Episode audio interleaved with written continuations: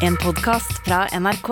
De nyeste episodene hører du først i appen NRK Radio.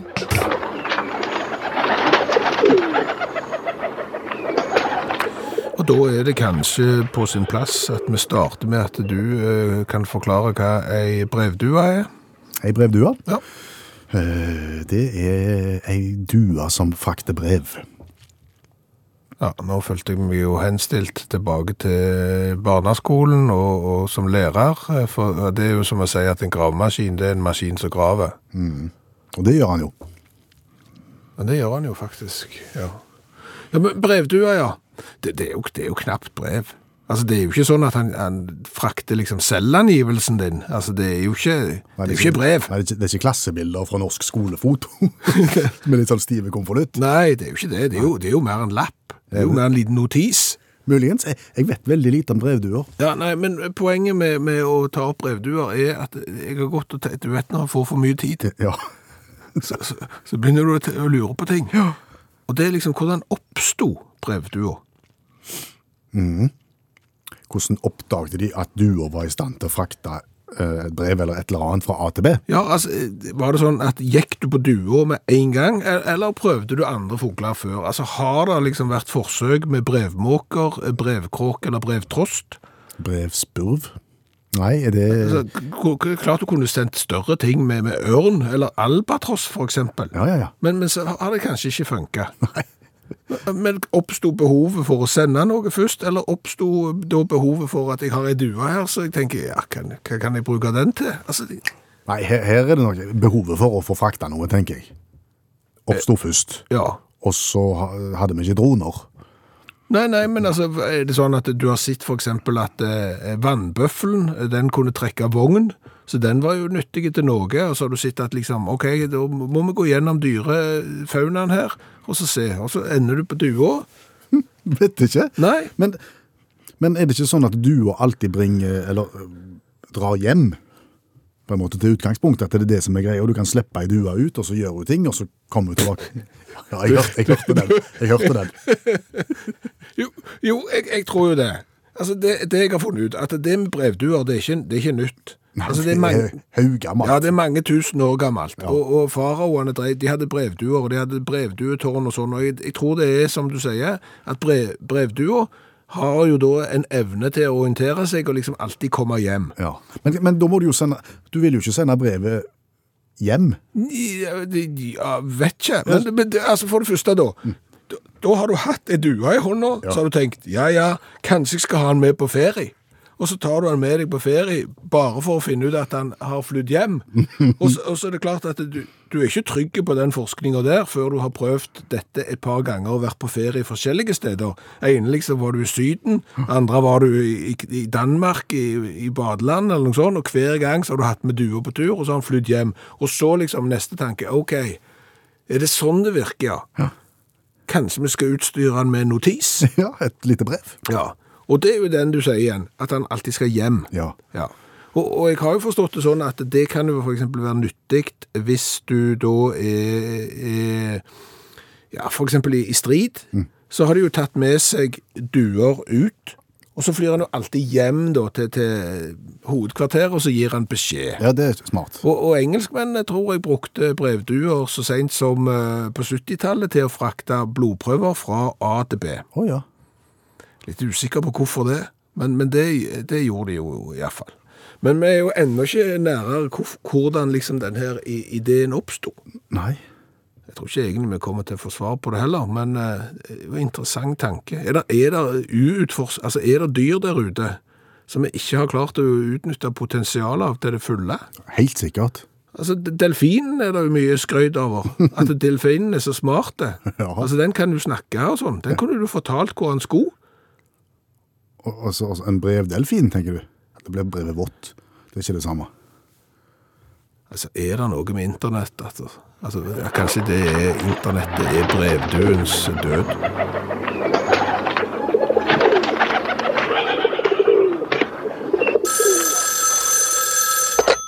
Hallo, ja. Hallais, Klingsheim! Hei, Stavanger-smurfen. Stavanger-kameratene, go, go, go! Oi sann. ja, det er litt, litt helger derpå. Ha, har det vært ei harde helg? Stupbratt, for å si det fint. Jeg har, jeg har vært på sånn Kollen tre og 5-mil. Jeg har vært inne i Oslo. Du har vært i Holmenkollen? Ja, ja, ja. Har, har du vært på sånn uh, Kollen-helg? Nei, bare sett på TV. Ja, for å si det sånn, det er stupbratt fra, fra ende til annen. Jeg satt oppi den der dalen der sammen med alle de andre som har, har malt seg og bodd i telt, vet du. Okay. De røyker jo blå Swix. Altså, de er jo Det er så haraball at jeg har ikke vært med på, på, på magen i hele mitt liv. Og, og det sier jeg. Og du har sett en del? Jeg har hatt sånn vinterkatt før, jeg. Så, så det, jeg vet hva jeg snakker om. Ja, ja, ja. Vinterkatt. Ja, ja. Men du, Ja. det, det er forferdelig det som skjer i verden nå. ja, det er det. Det er ikke bra i det hele tatt. Nei. Det, det legger en demper på på stemningen aldeles når du liksom skal ut der og hylle hun der Johaug og si takk for uh, alt du har gitt oss og, og sånn, og så, så driver de der løgnasene på der borte. Nei, jeg liker det ikke. Nei, nei. Og så skulle jo jeg markere min støtte da til Ukraina. Ja, så fint. Eh, på en måte. Altså, tanken var god. Hvordan hadde du tenkt oss å markere det? Eh, Jeg skulle male meg gul. Ja, ja for du er blå fra før, ja. Ja, ja, så jeg skulle, jeg skulle ha halv gult, og, og resten var jo in natura. Eh, Og dermed så hadde jo jeg de ukrainske fargene. Det tenkte jeg ville være en flott markering i Holmenkollen. Enig i det. Ja, Så jeg la meg jo da på, på sofaen på hotellrommet sammen med kajakken der. Naboen? Ja, det var han som skulle male. Ja. Eh, Så jeg lå der på sofaen, og så malte jo han. Og, og da stemmer det jo, for da får du de to fargene til det ukrainske flagget Ja. eh, på en måte med, med rett retning. Glemte jo at jeg lå. Ja, for når du reiser deg opp, så blir det feil retning. Da, da får du litt blått-gult på en annen måte. Så jeg havna jo da sammen med den svenske delegasjonen der oppe i heiagjengen i, i, i Holmenkollen. Og det kan jeg fortelle deg, Klingsheim, det var ikke så kjekt som det, det kunne ha vært. Kvinnesland heter det. Ja, Samme kan det være, de der svenskene er ikke gode uansett hvordan du snur og vender på det. Men OK, jeg viser storsinn. Ja, og tanken din var jo god, tenker jeg. Tanken var god, gjennomføringa sto til stryk. Mm. Så sånn er det. Men du, Klingsheim! Kvinnesland heter jeg. Ja, samme kan det være. Må du se stort på ting. Kunne du tenkt deg også, også være med oss og spleise på eh, en sånn leilighet eller et hus eh, til, til sommerferien i Ukraina? Det var vel ikke det reisemålet jeg så for meg? Nei, vi skal ikke reise. Nei? Nei, nei, vi- vi bare booker. Ok. Vi bestiller leiligheter og hus og roundabout og alt vi kan komme over i, i eh, Kiev, for eksempel, og så reiser vi ikke. Men vi betaler? Ja, jeg har, jeg har lest om folk som gjorde det, og da ble jeg så grepen. Det var jo en genial måte å vite at pengene kommer fram på. For da leier du en leilighet der borte, Ja. og, og så betaler du, og så drar du ikke. Og så får de pengene, da. Skal du være med på det? Det tror jeg for første gang i Jeg tror for første gang i historien så har jeg lyst til å være med på et av prosjektene dine. Ok, da vipser du meg bare. Ja, det kan jeg Skal gjøre. sende deg nummeret, Klingsheim, så vipser du meg en del pesetas, og så formidler jeg dette videre. Det fikser kajakken og meg. 100 Vet ikke om det er helt trygt at jeg skal vippse til deg, Hva da for ikke? basert på erfaring. Vet du hva, Klingsheim? Kvinnesland? Ja, Samme kan det være. Nå må du løfte deg over din egen skepsis. Nå må du se det gode i menneskene. Nå må du se at det er håp i en eller annen tunnel. Og så må du løfte Du må ikke tenke så mye på deg sjøl. Ja. Nei, du kan ikke holde på sånn. Nei, OK, vi snakkes. ha det. Ha det.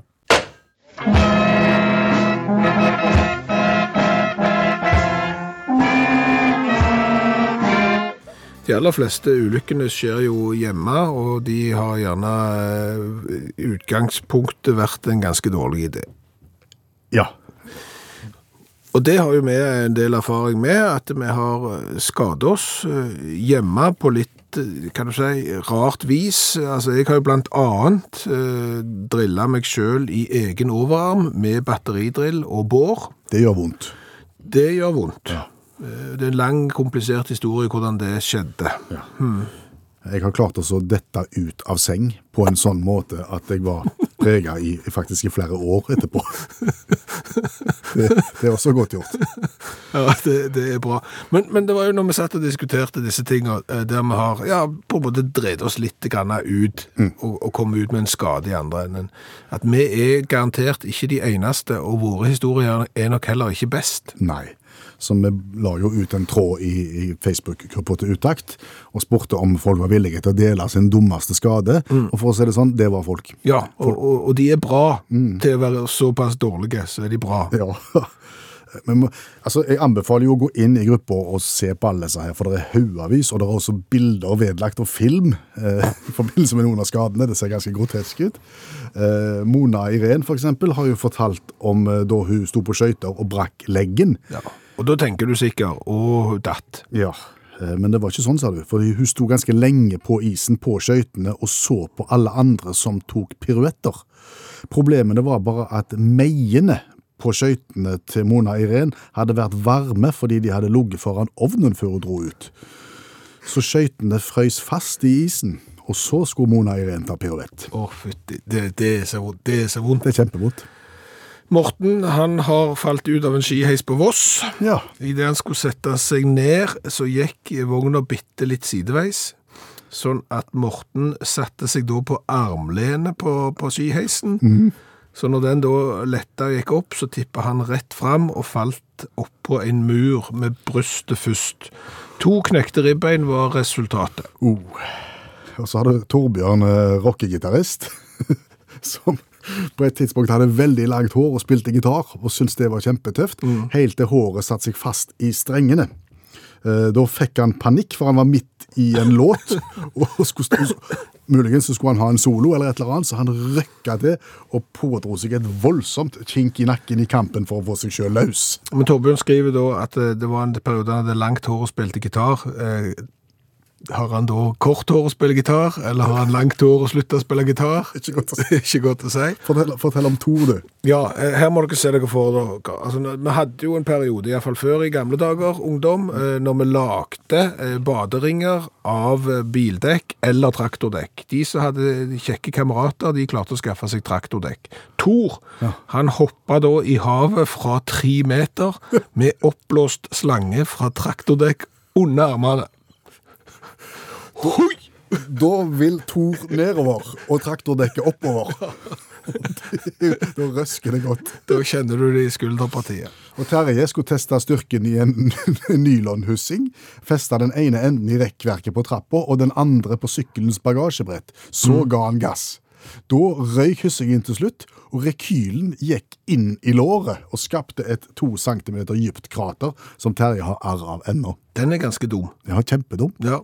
Eh, Birgitte, vi skal tilbake til 2007. Birgitte var 18 år og jobbet da i en skobutikk på et kjøpesenter i eh, Stavanger. Og de hadde fått beskjed om at brannsikkerheten skulle sjekkes i alle butikker.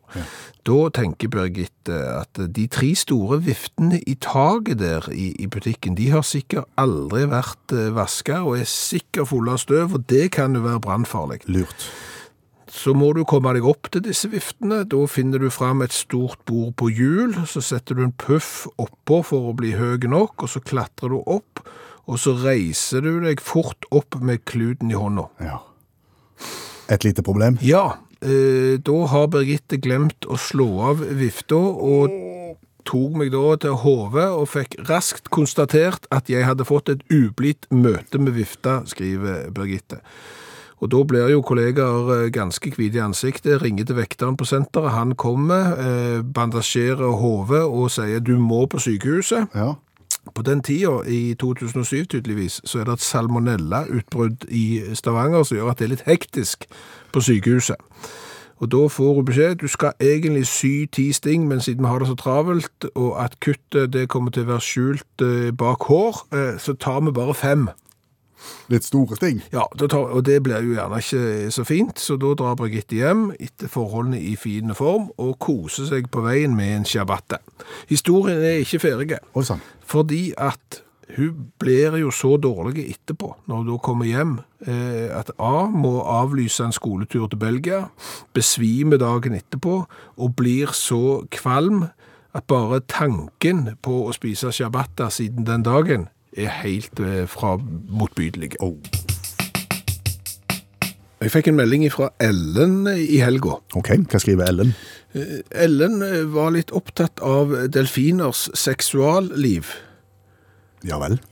For de hadde kommet over opptil flere artikler der folk som har vært ute og, og bada og lekt med delfinen, har vekt erotiske følelser eh, hos delfinen. For eksempel en 28-åring i- fra Farsund som, som bada med delfin for noen år siden, og ble antastet av, delfin. Har Ellen sjøl nå kjent på det samme, eller? Nei, nei, men hun, hun begynte jo da å lure. Ellen har forresten bursdag i dag.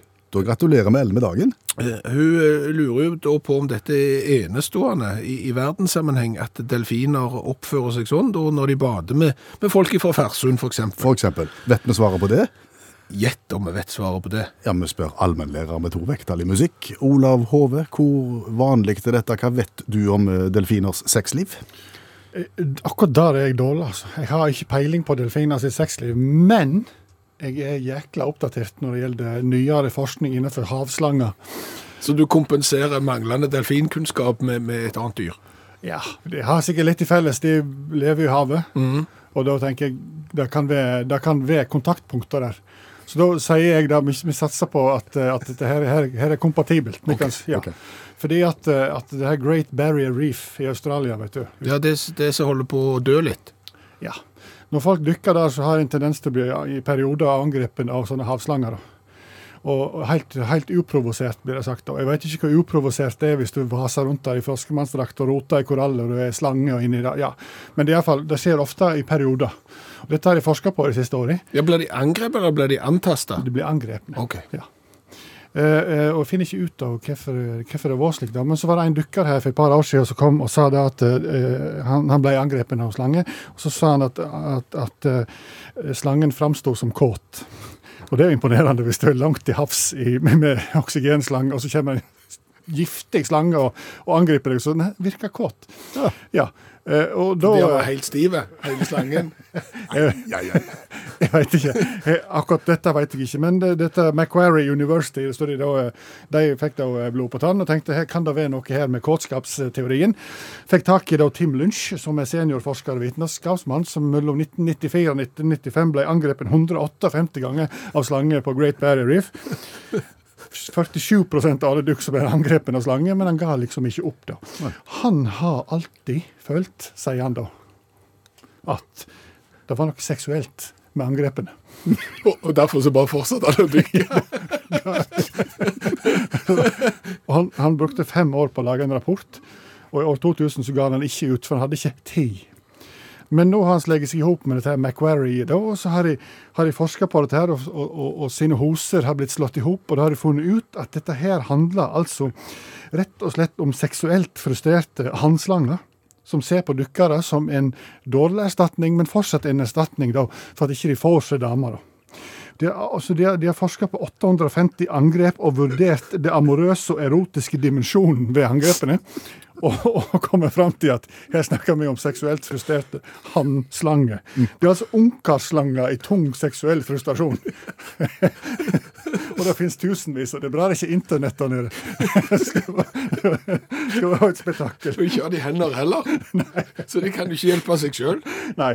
Men altså, og, og så viser det seg at de ser og hører ganske dårlig, da. Så de famler seg fram i sin seksuelle frustrasjon. Ikke ulikt ungkarer ellers i verden. Men, men altså, for, får, nesten følelsen av at eh, dette Barrier Reef-greiene At det er litt sånn som Kina. At det er overskudd av eh, menn og underskudd på damer. Det, det må jo være noe der. ja, det må være det. Og sånn er det òg med delfiner. Etter det jeg har grunn til å tro. At det er seksuelt frustrerte hanndelfiner Ungkars eh, som røyner seg ut på badere fra Farsund. Yes. Akkurat. Tusen takk for den teorien. Allmennlærer med to vekttall i musikk, Olav Hove.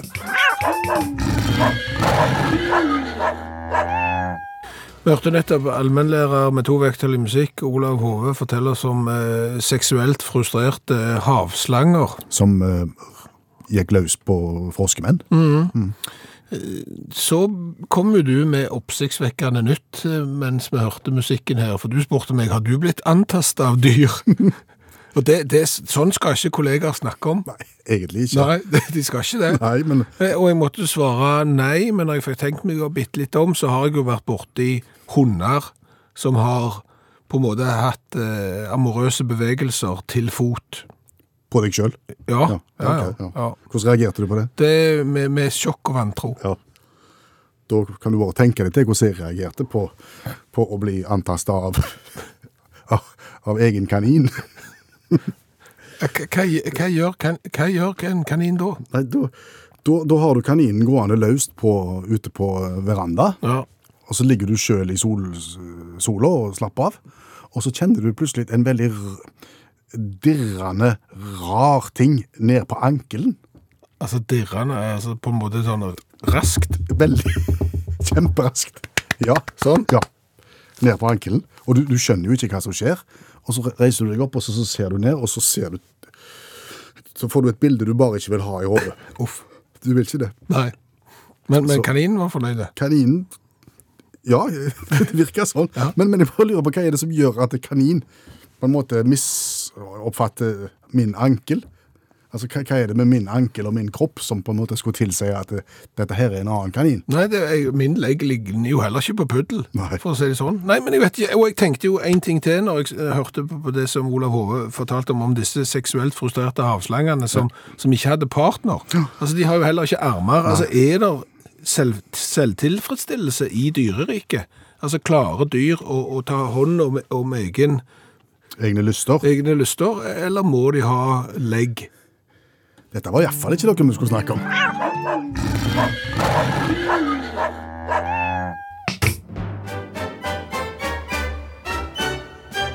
Wir spielen gezwungenes deutsches Karaoke.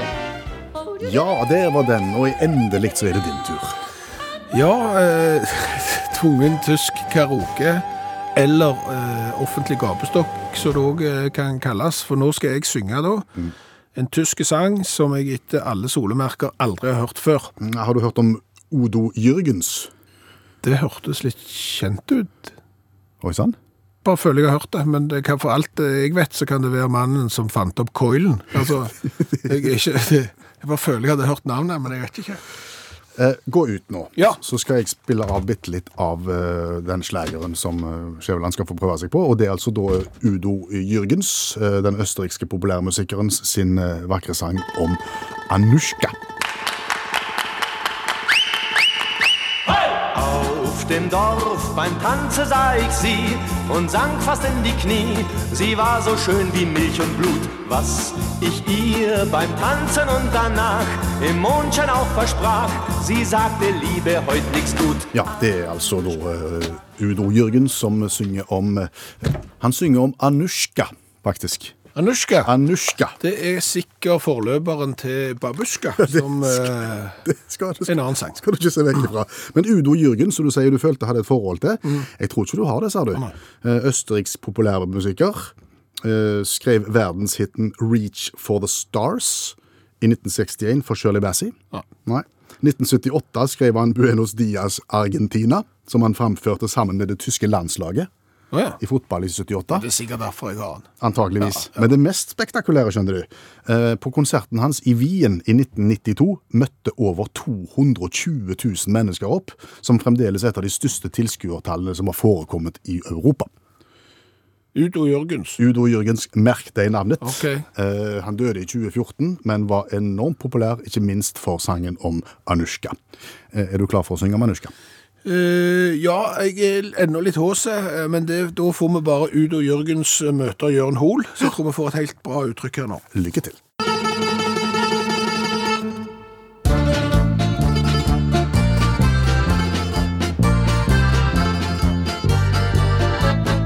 Auf dem Dorf, man tanzer seg i side, ung der Nie, sie war so schön mit Blut.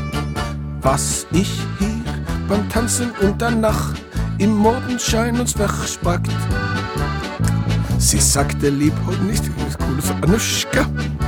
Sag, wie kann man nur so sein?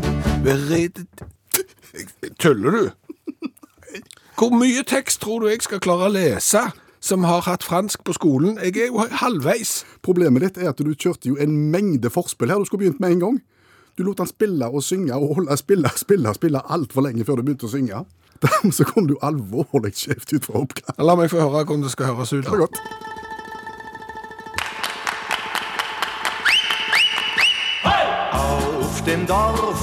Kan jeg få lov til å komme sie med kritikk?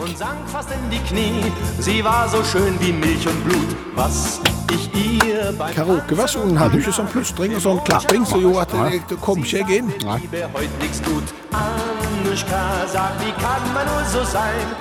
Ja, heng på- på nå. Nei, jeg nekter. Jeg er sur. Jeg skjønner ikke at 200 000 møter opp for oss å høre på dette her. Welt. Mir tut sie immer gut. Hei! Det var slutt, ja. Ja, altså, Dette var blytungt.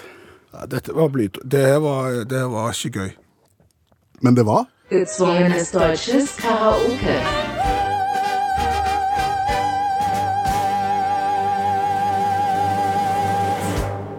Og du, Skjæveland, har vært vekke fra radiostudio i nesten ei hele uke nå. Jeg har eh, børsta støv av eh, gammel kunnskap. Jeg har eh, vært fotograf under verdenscupen i alpint på Kvitfjell. Ja, da har du stått midt i bakken og filma eh, utforløpere som fyker full, full fart forbi. Ja, så du, eh, du altså på fagspråket panorerer eh, 73 ganger etter navn. Ja. Sånn, fra venstre mot høyre, og så gjentar du den bevegelsen ca. 70 ganger eh, hvert renn. Godt å være tilbake i radioen. Je, mye varmere iallfall. Det vil jeg tro. Men du, altså, du gjør deg jo noen observasjoner når du er ute i felt, og vi plikter jo å dele eh, hva vi har opplevd. Eh, og du har sett folk i alpindress. Ja, ja. De ser litt sånn muskuløse og, og kraftige ut. Ja, og så har du sett for eksempel langrennsløpere i skidress. Det er jo litt den samme typen dress, bare at de som er inni den er mye mindre. Ja. Har du sett eh, folk i sånn dress uten startnummer? Nei? Nei, altså, det, ser veldig rart ut. Ja, gjør det det? Ja, altså, det gjør det. Det er, er glidelås, altså, det er ting som viser, og og det ser, det ser veldig rart ut. Altså, det nærmeste jeg kan komme på å tenke på, det er, altså, hvis du har strikkevest uten å gå unna, Strikkevest rett på kroppen? Ja. Det ser ikke bra ut. det ser ikke bra ut. Det er sosialt selvmord. Ja, og det er litt det samme sånn alpindress ser ut når du ikke har startnummer på. Du er liksom så vant med at det skal være et startnummer Ja. Oppå, at når du ikke har startnummer, så ser det litt ut som å gå med bare overkropp og, og bare strikkevest. Altså, det ser ikke riktig ut. Andre observasjoner fra ei, ei uke i felt? Ja, det er hva tenker kineserne på.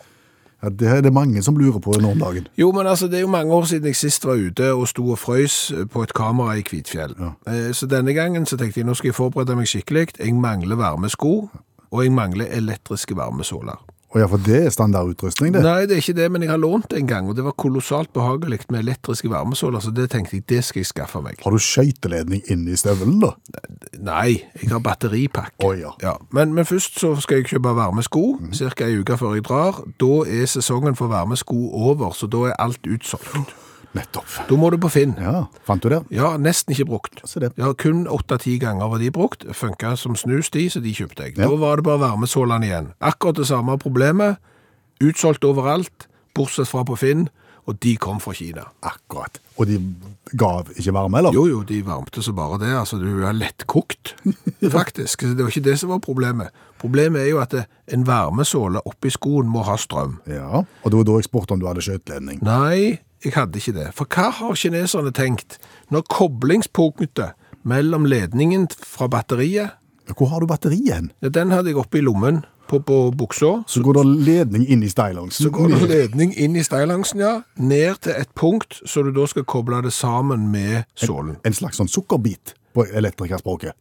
Ja, tenk deg den der som du har på, på headsetet nå, i enden av headsetet som du nå sitter med i studio. Ja. Klarer du å se for deg den? En sånn en Akkurat. er der.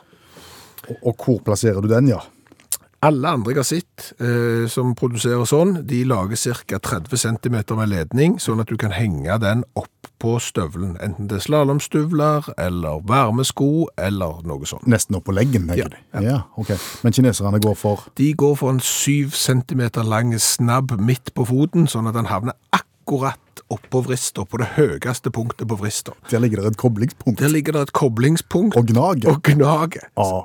Og hva har de tenkt? Kan du de få- hadde én jobb! Og det klarte de ikke. Hvis du strammer for hardt til, kan du risikere å få kortslutten. Da, da ryker jo ledningen. Så du kan ikke, du kan ikke kappe den heller. og finne fram lodd- feil i st- støvelen. Begynne med loddebolt og den slags. Nei, det er, det er kolossalt svakt. Dette er problemstillinger du ikke trenger å ta forholde deg til i radioen, Skjævland. Nei, det er ikke det. Men dette, så nå vet jeg dette til en annen gang. Sjekk koblingspunktet i varmesålen før du drar på tur.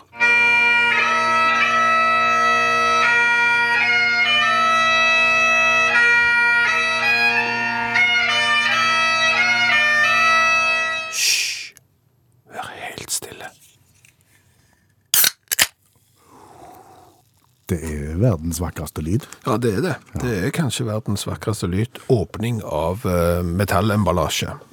I dag en colaboks fra Danmark. Høyreist sådan. Ja, en halv liter helt svart uh, metallboks med minimalistisk rød skrift på, der det står smak, utropstegn. Smak. Mhm.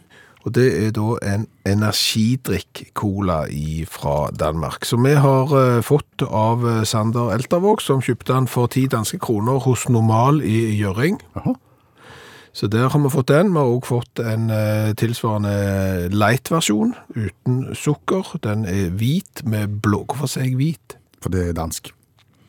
Ja. Ja, jeg er i ferd med å normalisere dialekt. Han er hvit med, med blå bokstaver på. Produsenten er Urban Coast RPS i Ryskov. Og de lager da eh, energidrikker som heter Smak. Og for eventuelt nye lyttere. eh, Mm. Vi tester en cola fra et eller annet sted i verden hver eneste mandag kveld. Det har vi gjort i mange år, og nærmer oss 350 i, i antall nå. Ja, vi trodde det var et konsept som skulle vare i ca. tre kvarter, men det varer og det varer, og folk har igjen begynt å ta til vingene og, og kan gi oss da cola fra rundt omkring i verden. Hva vet vi om Smag cola fra Danmark? Altså, dette er jo da eh, Danmarks hurtigst voksende energidrikk-brand. Merke, som vi kaller det for. eh, Og de er jo da et campus-zoome-univers for lojale kunder. Altså, de er veldig sterke på sosiale medier og har eksistert eh, siden 2013. Og de beskriver den eh, colaen vi nå sitter med foran oss som energidrikken med den klassiske colasmak og et høyt innhold av koffein. Ok, det er sånn får ikke sove-cola. Det kan fort være det, det skal vi finne ut av senere i kveld. Eh, Det jeg også kan fortelle er at de søker praktikant til sine sosiale medier, det har jeg vært inne og sett på. Eh, Er du, har du passion for eh, sosiale medier og kommunikasjon, så må du ta kontakt. Ja. De søker en selvstendig praktikant snarest mulig. Så da kan du reise til Riskav. Ja, praktikant. Er Nok, nok snakk, vi må smake på Smag cola. Det er jo nydelig. Bare lyden av helling. Den er veldig svart. Det er han. Og Han lukter ganske sånn som cola skal lukte. Mm, egentlig gjør han det. Forventnings... Forventningene stiger. med smaken. Mm.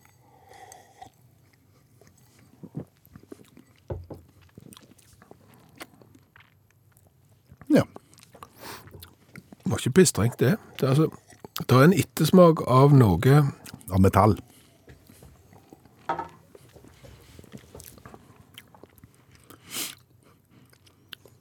Jeg syns det er- smaker cola med en litt sånn metallisk greie. Som, som ikke er verst på Nei da. Det kan ikke være historieløse her, for det er så mye dårlig der ute at dette er ikke i den verste enden. Nei, Vi skal gi fra null til ti. Ja, jeg fem. Det er midt på. Ja, jeg tenker òg det.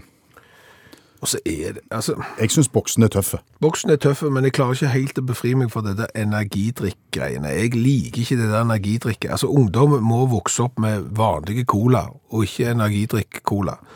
Oh, ja, så du, du trekker på prinsipielt grunnlag? Jeg, jeg alltid trekker jeg på prinsipielt grunnlag. Også i dag. Tre. Nei og nei og nei. Det er tøft, og det er stilig, og det er minimalistisk, og det er alt sammen. Det er sju i design for meg. Jeg er egentlig enig, men så kan jeg ikke være enig. Altså, det, det, er som, altså, det er litt som dansk design. Du får veldig lite og betaler kolossalt mye. Ja. OK. Du gjør tre i design. Ti og ti er 20. Ja. Og da er han langt over midten. Ja, og hvis jeg passer på nå, så tar jeg så legger jeg ut et bilde av den her på Facebook-gruppa til Utakt, som jo er et sosialt medium, og ergo så kan jeg henvise til det. Hvis du vil bli praktikant. Ja, for det er altså produksjon av content. Da har jeg drevet med produksjon av content, og så har jeg drevet med social media performance og analyse og rapportering. Du er inne, du, da. Jeg er inne. Daus. Ja, i første time av Utakt i kveld så lærte vi jo det at eh, havslanger på Great Barrier Reef, ungkarer eh, blir lett eh, seksuelt frustrert og, og begynner å antaste froskemenn, altså dykkere. Ja, havslange, det er da en slange som lever i havet. Det ligger implisitt i ordet, ja. Jo, Mens froskemann, det er ikke en mann som er frosk og lever i havet, det er bare en som har tatt på seg en sånn en drakt for å, å dykke. Men du kan jo begynne å lure på disse dyra da, altså hvis de ikke er i stand til å skjelne mellom en likesinna og en froskemann. Mm. Altså, hva, er det noe galt med disse? Hva sier du, eh, allmennlærer med to vekttall i musikk, Olav Hove? Det er du som har brakt disse temaene på banen i kveld. Jeg sier vi skal feie for vår egen dør, for vi er ikke så flinke vi heller liksom, til å skille andre veien når det gjelder dyr. Eh, det finnes en del grelle eksempel der òg, skjønner du. Uh, Altså, Dyr er ikke i stand til å skille dyr og menneske, men mennesker er heller ikke i stand Nei, det er ikke alltid vi, alltid vi klarer å se om dette her er dette det dyret vi tror det er, liksom. Oh, ja. Ja.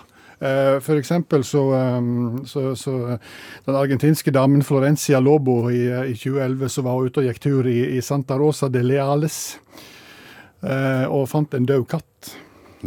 Og ved sida av den døde katten der var det to kattunger, en liten og en stor. Og eh, den lille var, den var døende, så den døde mens hun var der. Så tenkte hun stakkars, nå ble den morløs, denne kattungen. Så tok med seg hjem den, da, for tenkte det var Hun fikk ta seg av denne katten. Hun har alltid hatt lyst på katt. Litt skuffa var hun over katt. Han var ikke så kjælen, gitt. Eh, spiste mye, beit voldsomt hardt og klorte noe infernalsk. Men så, så hadde hun lest da at eh, det finnes sånne voksesyndrom blant katter, da, at de vokser jækla fort. Så hun tok med seg det her dyret, som var blitt en del kilo etter en måneds tid, eh, til, til veterinær. Og satt på venterommet hos veterinæren. Eh, jeg vet ikke om det er slik her i landet at det er venterom hos veterinæren. Jo, det er det. Det er det. det Jeg har sittet der, jeg. kommer en mann med hund. Eh, katten forlot og fanget til, damen eh, og, og gikk til angrep på hunden. Og før hun rakk å si nei, nei, han vil bare leke, så hadde han klart å ta livet av hunden. da. Og det var da hun begynte å tenke kan det være noe rart med denne katten. Da visste jeg at det var noe rart, det var en puma. Um, men jeg merka en liten puma. Uh, slapp unna med Tinka. Uansett, det er ikke grelt i det hele tatt i forhold til familien Yun i sørlige Kina.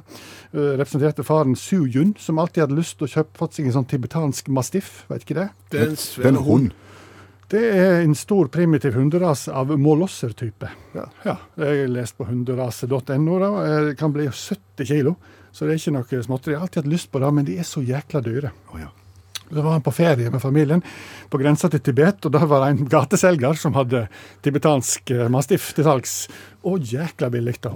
80% avslag, da. Så han slo naturlig nok til og kjøpte seg denne eh, hunden. Tok han med hjem, familien var jo overlykkelige. Og de begynte å dressere dyret. Eh, litt skuffa over at han spiste jækla mye. Voldsom appetitt. Han åt altså en kasse frukt og to bøtter med nudler til dagen ganske tidlig. Og han ble fort 70 kilo, gitt. Og, og det var imponert over hvor fort de vokser seg. Jeg tenker, Han kan bli opptil 70 kilo. Her har det gått tre måneder, pikker det 70 kilo allerede. Uh, ja, og så Han, han, mista utseendet sitt, følte de. Han var ikke så fin og søt som han var når han var, når han var ung. Og det jeg snakka om to måneder. Uh, og etter hvert så begynte han å gå på to bein. eh, Prøvde å grave i kjelleren. Eh, De visste ikke helt hvorfor han grov så mye på Kjedla, men det var på høsten han grov. De visste ikke helt hvorfor han gjorde det. Eh, Så begynte de å tenke kan det være at han er sinnssyk, for han går utrolig mye på to bein for tiden. Og han gjør jo ikke, han brøler på en måte.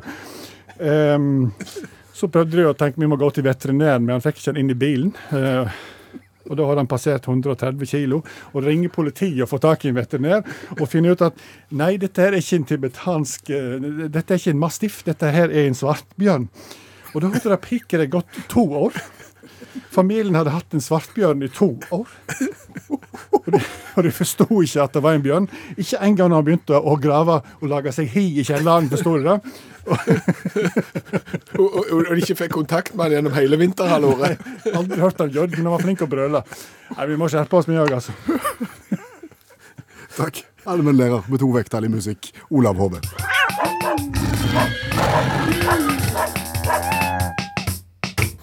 Jeg tror du kan eh, skille folkegrupper Det var gjerne folkegrupper, var kanskje feil, men folk eh, På hva oppfattelse de har av ordet IPA.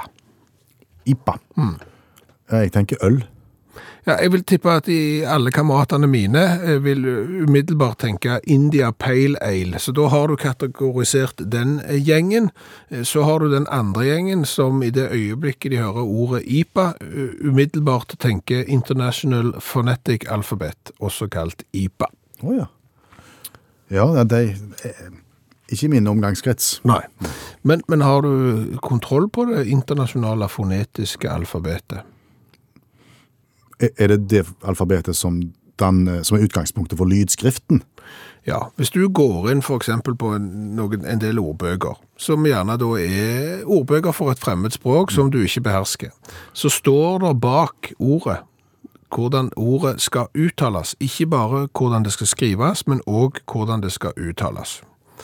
Og det er for alle oss som forbinder IPA med øl, totalt unyttig, meningsløs informasjon. Det er litt som uh, monteringsanvisningen til et uh, flatpakka drivhus. Altså, det, det henger ikke sammen. Du forstår ingen verdens ting. Du åpner det og ser, vet du hva, det her skjønner jeg bare ikke.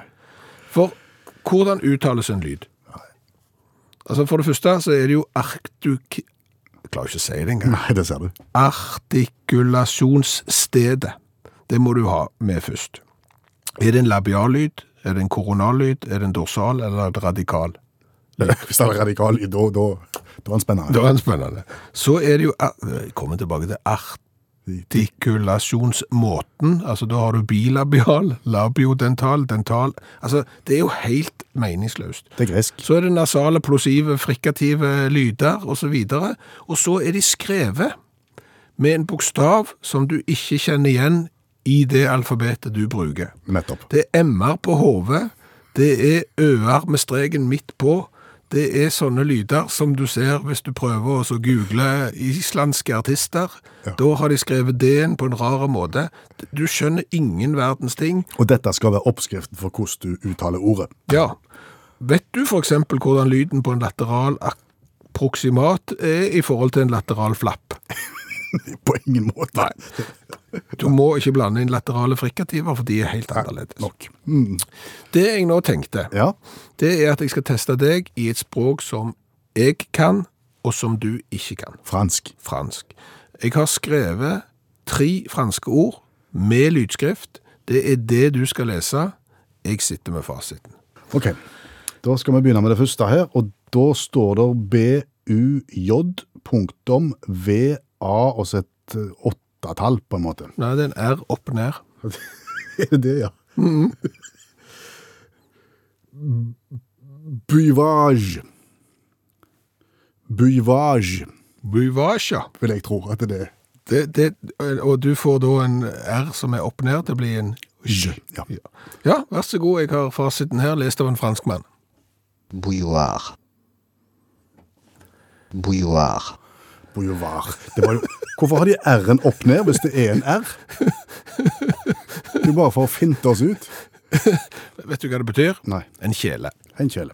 Boulevard. Mm, altså noe til å koke i. Ja.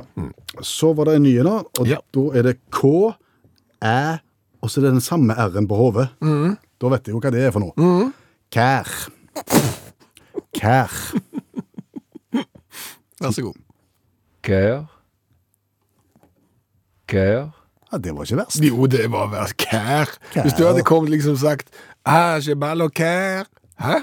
Hva er kær for noe da? Det er hjertet. Da har du vondt i hjertet. Mal og kør.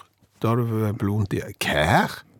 Kær. Ja, da er vi kommet til den siste. Det er ikke vits i å Der har du noen gode bokstaver. Du har en O, Og så har du punktum, og så har du et, tretall som er i etasjen unna. Så har du en U, så har du den øh, R-en som er opp ned, litt punktum, og noen streker, en opp ned H og en I. Ok. Og? Nei, vet du hva?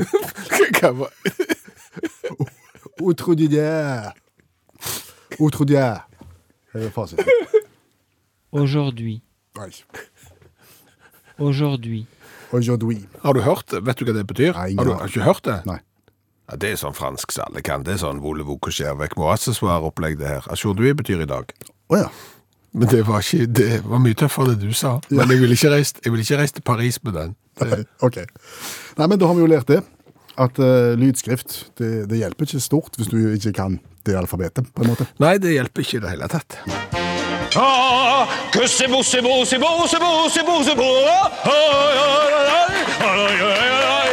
Jeg er jo sånn at hvis jeg ser folk dette slår seg på YouTube, så ler jeg. Ja, du gjør det. Ja. Jeg er ikke større menneske enn det, men folk som dette slår seg, det er ganske gøy, og vi har jo utfordret folk til å fortelle om eh, de skadene de har fått, som ja, kanskje var forårsaket litt overmot, litt dumme valg, eller rett og slett uflaks. Det er en kjempelang tråd i Facebook-gruppa vår med bilder og det hele av dumme ting som folk har klart å gjøre. Skal vi ta noen her nå? Ja, anbefaler å gå inn og lese den, så kan dere få med alle. Men Einar, han eh, klarte jo da, i forbindelse med et arrangement i Mandal, det skulle de ha tautrekking over Mandalselva, og, og hans lag, som bestod av medlemmer fra handelsstanden, de tapte. Og han traff jo da noe jernskrap som lå i elva, og klarte jo da å skade seg sånn at han måtte på eh, sykehuset for å sy. Hva skjedde så? Ja, det ble jo ikke stort bedre når legen da besvimte av blodet til Einar eh, mens han holdt på å sy. Eh, Så da var det heldigvis ei eh, sykepleier som kunne gjøre det ferdig. Wenche har fortalt om den dagen alt skulle fikses. Først eh, frisør, vask, klipp, permanent og føn. 1500 kroner med en gang, det. Ja, ja. Og så var det vasking av bil i automat, kroner 500. Anbefalt eh, å bøye bilantenna inn i vinduet eh, før hun skulle av gårde, eh, for det var en gammel bil dette her. Så ble gjort. Resultat? Vannet spruta jo selvfølgelig inn i bilen over den nye permanenten. Forsøkte å stoppe vannet med hender og armer. Eh, Mislykka. De vide kåpearmene ble bare fylt med vann. Og I stedet for å tilkalle noen som kunne hjelpe ved hjelp av å tute på hornet, så ble jo bare Wenche sittende og le, så tårene rant. Gøy i ettertid. Ja, og sminken forsvant i all vannet. Ja, ja. Dyrt var det iallfall. Eh, Turid hun skulle jo gjøre det som vi alle har hatt lyst til å gjøre etter å ha sett eh, Dagsrevy-innslag fra Finnmark. Det er å gå ut og hive kokende vann i lufta når det er kaldt. Her var det bare minus eh, ti. Eh, det er ikke så kaldt. Og i tillegg er Turid dårlig til å hive, så hun kasta da det kokende vannet opp over sin egen eh, høyre arm. Ja. Ja. Forbrenning der, altså. Yes. Og her, Sven Are har også en historie, og her må du, her må du lage bilder i hodet. For Sven Are sykla av gårde med hendene godt planta i baklommen.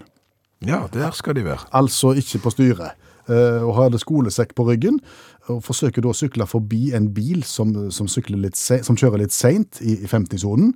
Eh, Det var nedoverbakke, men plutselig så tverrstiller eh, forhjulet seg, og Sven Are fyker som en skuddrakett gjennom lufta, fremdeles med hendene i baklomma.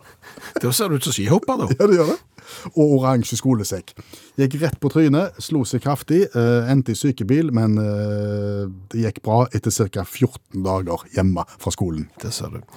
Øyvind til slutt, som sikkert har opplevd eh, noe av det mange iallfall har vært i fare for å oppleve, eh, nemlig du har altfor mye papir i papirbåsspannet, og du har enda mer papir som skal oppi. Ergo må du lage plass. Du må komprimere. Så begynner jo da Øyvind, sånn som kanskje mange gjør, med å legge press med hendene. Det går ikke, så bruker du én fot, eh, så klatrer du til slutt oppi med begge beina. Ja. Vi aner hvordan dette går. 190 cm med mann stuper da framover når han mister balansen i eh, båsbandet, og uten å ta seg for, treffer da eh, bakken som består av eh, grus. Au. Her har vi da billedbevis. Hvis du går inn i Facebook-gruppa til Utakt, så kan dere se hvordan Øyvind så ut når han ikke hadde tatt seg for når han skulle komprimere papirbosset. Tusen takk for alle som har delt. Hva har vi lært i kveld? Kolossalt mye. Se det. Vi har jo annet lært det at eh, koblingspunktet for strøm på en varmesåle til sko skal ikke ligge midt oppå vrista på det høyeste punktet. Da får du gnikking og gnuring og vondt. Det er bare dumt. Så lært at brevduer ble brukt i Egypt av faraoene, så det er en mange tusen år gammel tradisjon. Det vi ikke har fått svar på, det er hvordan i all verden det oppsto. Hvem var det som kom på tanken at denne her dua her, den må vi sende av gårde med post? Ja. Skal komme på det òg. Så har vi lært det at eh, det er mange faktisk som har sendt oss melding etter at vi snakket om antasting av eh, mennesker eh, gjort av delfin. Ja. Og det er flere som har opplevd dette, så her er det garantert store mørketall. Oi sann. Annet fått eh, melding fra en som opplevde dette i en alder av 23, iført froskemannsdrakt, og kommer aldri til å glemme synet av den rosa tingen igjen. Ja, For det var rett og slett en, en delfin som røynte seg ut på han. Røynte seg ut på, på vedkommende. Ja. Det har vi lært. Så har vi lært at eh, dansk eh, cola fra Urban Concept ABS i Riskov, som heter Smak, som er en energidrikk-cola, den er ikke aller verst på smak. Nei. Der er det òg muligheter for å få jobb i eh, det sosiale medieredaksjonen til dette bryggeriet. Som praktikant. Så har vi vel lært eh, at det er så kolossalt mange som har skada seg på dumt vis. Ja. Altså, Den tråden er nesten uendelig i Facebook-gruppa vår, og det er så underholdende, for det har jo gått bra med de aller fleste, så den anbefaler vi. Og så har vi jo lært til slutt at det fonetiske alfabetet sier de aller fleste av oss særdeles lite. Jeg har testa deg i dag, og du strøyk med glans. På alle tre eksamenene, faktisk. Ja. Nærmest var du på det franske ordet kør. Som betyr kjele. Nei, var det det? Det betyr hjerte. Hjerte var det. Du prøvde deg på bouilloire, men det klarte du ikke. Ajourdui klarte du iallfall ikke. Nei. Det var det. Det var vel egentlig det, og så har vi sagt det. Husk at alle uttaktprogrammene foreligger som podkast. De finner du i NRK Radio eller andre plasser du måtte laste ned podkastene dine. Ja, gjør det. Og så kan jeg si at jeg heter Bjørn Lars Skjæveland, sist jeg sjekket. Jeg heter Per Øystein Kvindesland. En podkast fra NRK. De nyeste episodene hører du først i appen NRK Radio.